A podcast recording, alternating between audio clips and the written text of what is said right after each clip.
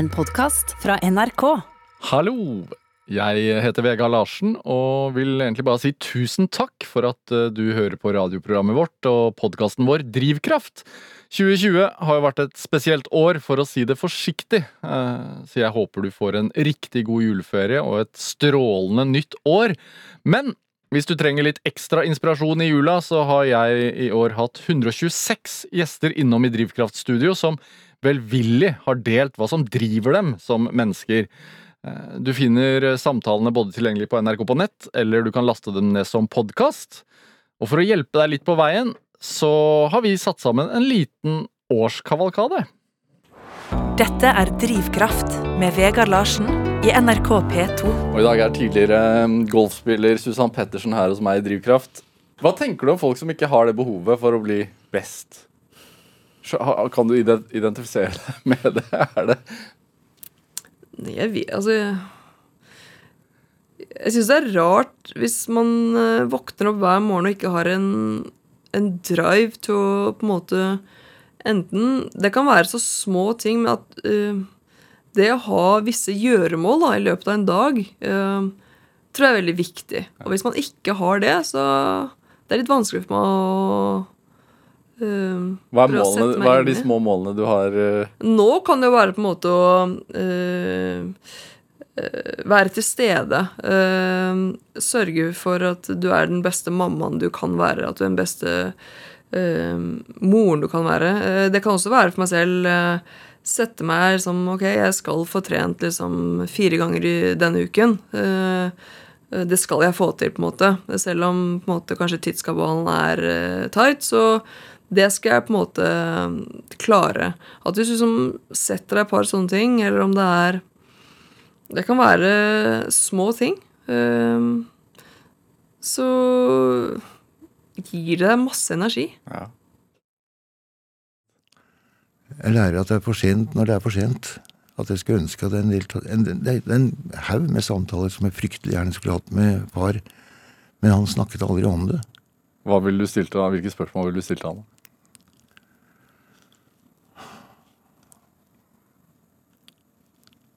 Jeg tror jeg ville spurt ham om veien hjem. Hva vil det? det er et veldig Ole Paus-svar. Hva, hva vil det si? Nei, for jeg, jeg, vet ikke, jeg vet ikke helt hva, hva han Jeg vet hva han forventet av meg, men jeg tror ikke han visste helt hva han snakket om. Nei. Hva forventet han av deg? At jeg skulle ha et ukomplisert liv. Et godt og ukomplisert, hyggelig liv.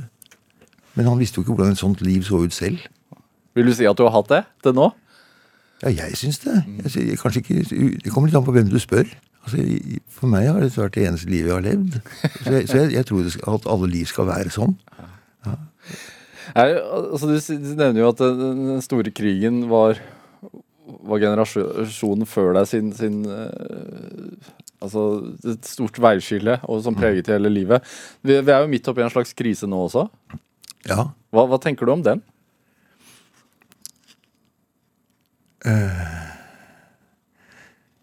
Jeg tror ikke jeg skal tenke så mye om den, jeg, for jeg, jeg, er så lite berørt av den. Altså, det, jeg, jeg blir ikke Altså, jeg ser jo at det er mange mennesker som har fått sine liv uendelig mye mer komplisert enn det var i utgangspunktet. Og det er mange som mister jobber, det er mange som mister muligheter. det er- Altså, det er mange som blir syke, det er mange som mister på ja, det, og jeg har all mulig respekt og, og ja, jeg, jeg føler med dem, men ikke på ordentlig. For det, det, det, slik jeg ser det, så har det vært en veldig fin tid. Hvordan da? Nei, jeg har vært uh, uten jobb. Jeg har Jeg kan sitte i ro og mak i en leid leilighet som jeg ikke er ansvarlig for Jo, jeg er ansvarlig for den, jeg må stelle den, da. Men, men uh, jeg kan sitte der i ro og mak og skrive. Og være frisk. Og alle mine nærmeste er friske, og Ja. Og, og dette varer ved ikke resten av livet, det var i hvert fall en måned eller to til. Og så tilbake til der hvor det var. Altså, jeg, jeg er ikke rammet av det. Nei. Og man skal ikke Da skal man kanskje ikke være så veldig håndmodig heller. Men du er jo aldersmessig i risikogruppen som man prater om. Ja visst er jeg det. Er, er du bekymra da? Ikke et sekund. Er du gæren? Altså, jeg, jeg, har, mitt forhold til døden er så vennlig. Ja. Altså, jeg, jeg må si det. Jeg, jeg, jeg er bare nysgjerrig. Ja, det mener jeg.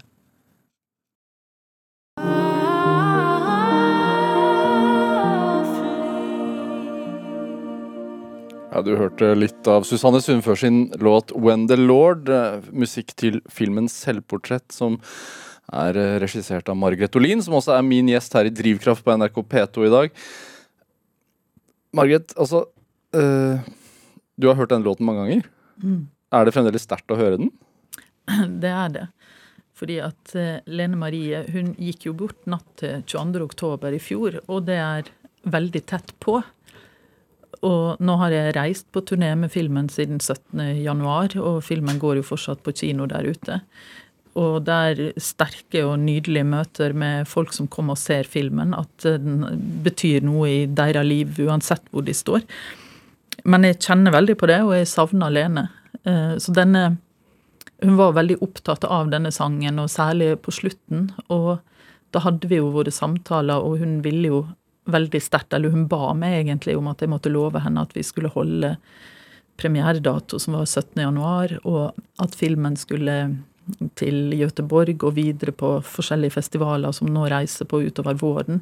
Og den skal på TV i Frankrike og Tyskland og andre land. At, at hun var redd for at når hun døde nå, at vi skulle pakke alt ned og sammen og ikke klare å Mm. stå i den lanseringen. Men for det kan ikke være lett for deg heller, tenker jeg, å skulle prate om jo det som ble en nær venn, og prate om en film og en sånn lang prosess såpass nært opp til det at hun døde. da. Nei, det, det har eh, Det er vanskelig, men det er liksom Jeg lovte henne det jo, og foreldrene støtta det veldig. Og hvis ikke, så hadde jeg jo ikke gjort det, eller vi gjort det.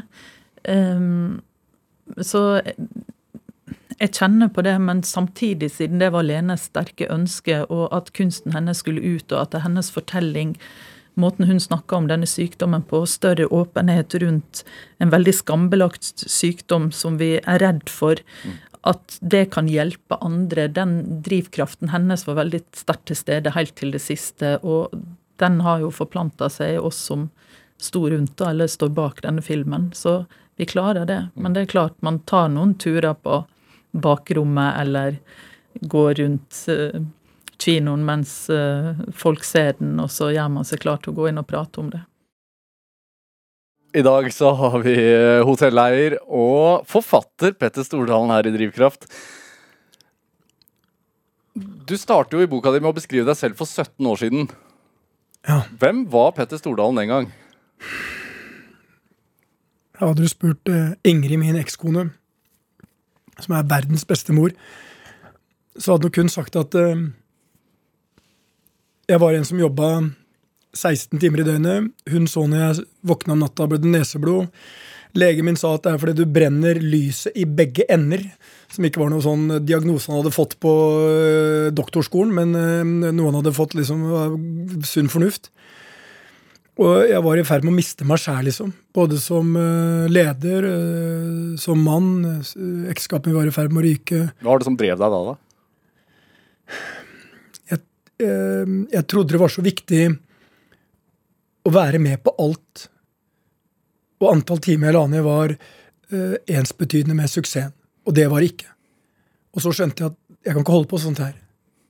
Og så begynner jeg da å skrive ned de tingene en sånn notatbok liksom var mm, Og jeg, jeg jobba meg gjennom det gjennom mange år, så det er ikke noe som går fra én dag til en annen. Um, og mest av alt så var det Jens H. Gundersen, um, en som jeg begynte Sten og Strøm sammen, som jeg møtte i Made in, som skrev et uh, håndskrevet sånn oppsummering av meg som leder til meg, som fikk meg til å våkne. Hva skrev han da? da? Han skrev egentlig at um, jeg var i ferd med å bli uh, sjølgod, uh, egosentrisk, um, uh, og at jeg uh, for mange ganger bar preg av ikke forstå at uh, når jeg bevega meg så fort som jeg gjorde, så skapte det mange utfordringer for alle de jeg jobba sammen med. Um, og det brevet jeg husker han hadde en sånn management score fra én til ti. Hvor Percy Bar Barnevik, stor leder i Sverige, Og ikke minst Jens lå ganske høyt oppe og nikka på sånn åtte-niere. Og så satt han meg på halvannen. Da skjønte jeg det er, ikke, det er ikke den lederen jeg vil være. Det er ikke sånn far jeg vil være. Det er ikke sånn jeg skal bli huska. Og så ringer min ekskone meg noe seinere og sier Petter, jeg trenger at du kommer på banen. Og det forandra mye av livet mitt. Og, øh, og det betydde mye for øh, både for den første boka og ikke minst denne boka. Hvis du ikke du hadde fått det brevet, og ikke ekskona di hadde ringt deg og satt deg litt på plass, hvor, hvor hadde du vært i dag, tror du? Definitivt ikke her. Tror du ikke det? 100 ikke. Eh, Jeg elska mennesker, men jeg lærte Jeg skjønte jeg måtte stole mer på alle de rundt meg. Jeg måtte ansette folk som var bedre enn meg sjæl. Jeg måtte tro på alle de tingene jeg snakka om, men ikke helt praktiserte. Det var forskjell på liv og lære. Dette er Drivkraft med Vegard Larsen i NRK P2. Frankrike, eh, som jo du egentlig nå forteller, eh, var jo mye lenger unna den gang enn det er nå. Ja, herregud. Og da, når du da reiser dit som ung mann på, på eventyr eh, for å liksom utvide mathorisonten, hva, hvordan vil du beskrive din opplevelse av eh, fransk gastronomi? da? Hvordan var det for en eh, fyr fra Moss? Ja, det var stort, fordi da hadde jeg jobbet øh, hele sommeren. Øh, da hadde jeg all allerede vært ferdig med den øh, kokkelæretiden på Grang. Eh, så hadde jeg jobbet i frisk og god iskremfabrikk hele sommeren i tre måneder. Og som eh, og oppgjør for det, så får jeg eh, en bil, en liten Fiat, som min onkel hadde kjørt ganske mange år. Og så sier han at ok, nå har du gjort så jævlig bra jobb, så nå skal du få den bilen. Så han overrakte meg den bilen, og da hadde jeg allerede bestemt meg for at når jeg var ferdig med sommerjobben og fått den bilen, så skal jeg sette meg den bilen, kjøre til Frankrike. Og det gjorde vi. Jeg tok med en uh, venn av meg som heter Asbjørn. Og, uh, uh, vi, og kona hans, og vi kjører, og vi pakker den bilen full av soveposer og telt, og kjører til Strasbourg, og så kommer vi til um, et lite sted i syd for Strasbourg som heter øh, Eh, en liten landsby med en kirke, en baker, uh, en svær parkeringsplass og uh, svære Mercedeser. Fordi uh, Ildhøyseren ligger rett ved den tyske grensen. Og der står det de største, flotteste, nypolerte bilene jeg noensinne har sett. Foran en restaurant som heter Auberge de Lille. Og vi hadde planlagt at vi skulle dit, men så kom vi i den lille Fiaten.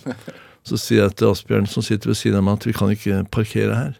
Så vi bare kjørte forbi, kjørte videre, fant en, eh, eh, en teltplass.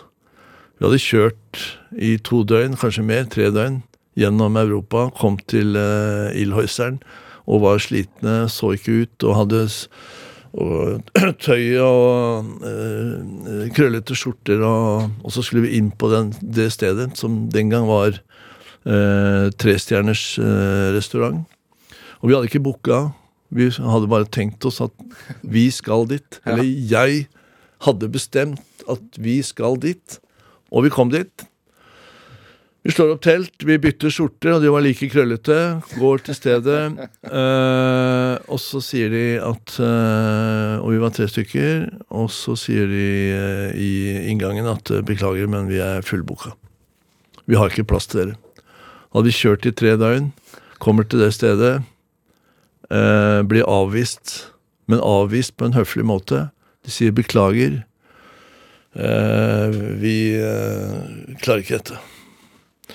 Og så eh, kommer eh, sjef, eh, Paul som han heter, kommer forbi og eh, ser oss, og så sier han at eh, til sin bror som var i restauranten, kan vi ikke bare dekke opp til dem i baren?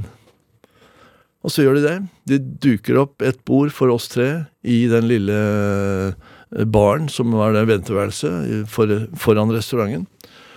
Og så får vi eh, den der oppdekkingen, og det, vi får maten, og vi får vinene, og vi får fantastisk opplevelse. Og det, eh, i, et, i ettertid, det ga meg den derre eh, inspirasjonen til eh, For da var vi jo bare på tur, jeg skulle ikke ned og jobbe. Eh, og så kom jeg hjem igjen, og så tenker jeg at eh, den der opplevelsen som vi hadde på den der Auberge de Lille, det var så skjellsettende, for å bruke et eh, klisjéaktig uttrykk. Eh, det, spred, det spredte seg i, eh, eh, i kropp og hode og sjel.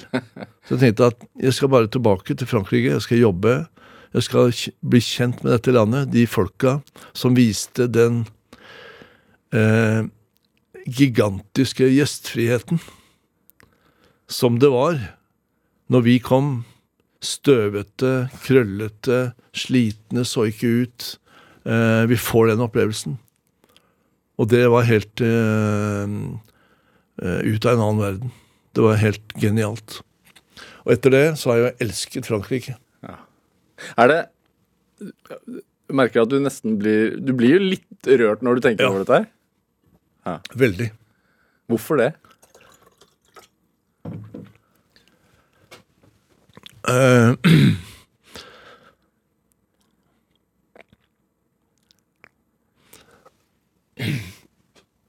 Det handler om eh,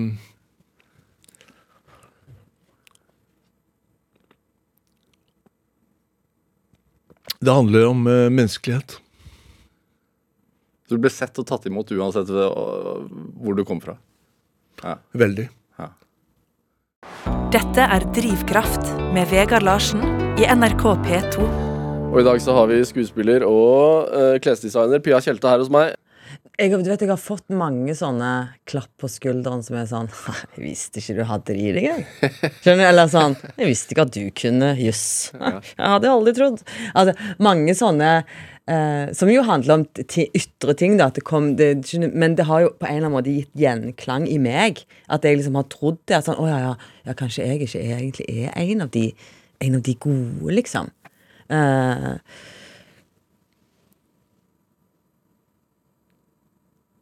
Ja, ja, og sånn etter, og sånn etter, mye sånn etter Lille, Lille Eyolf på Nationaltheatret òg, som òg var en sånn ting som Det var mange sånne reaksjoner som var sånn «Oi, oi, Kan du spille Visste ikke liksom? at du eh, kunne Jøss.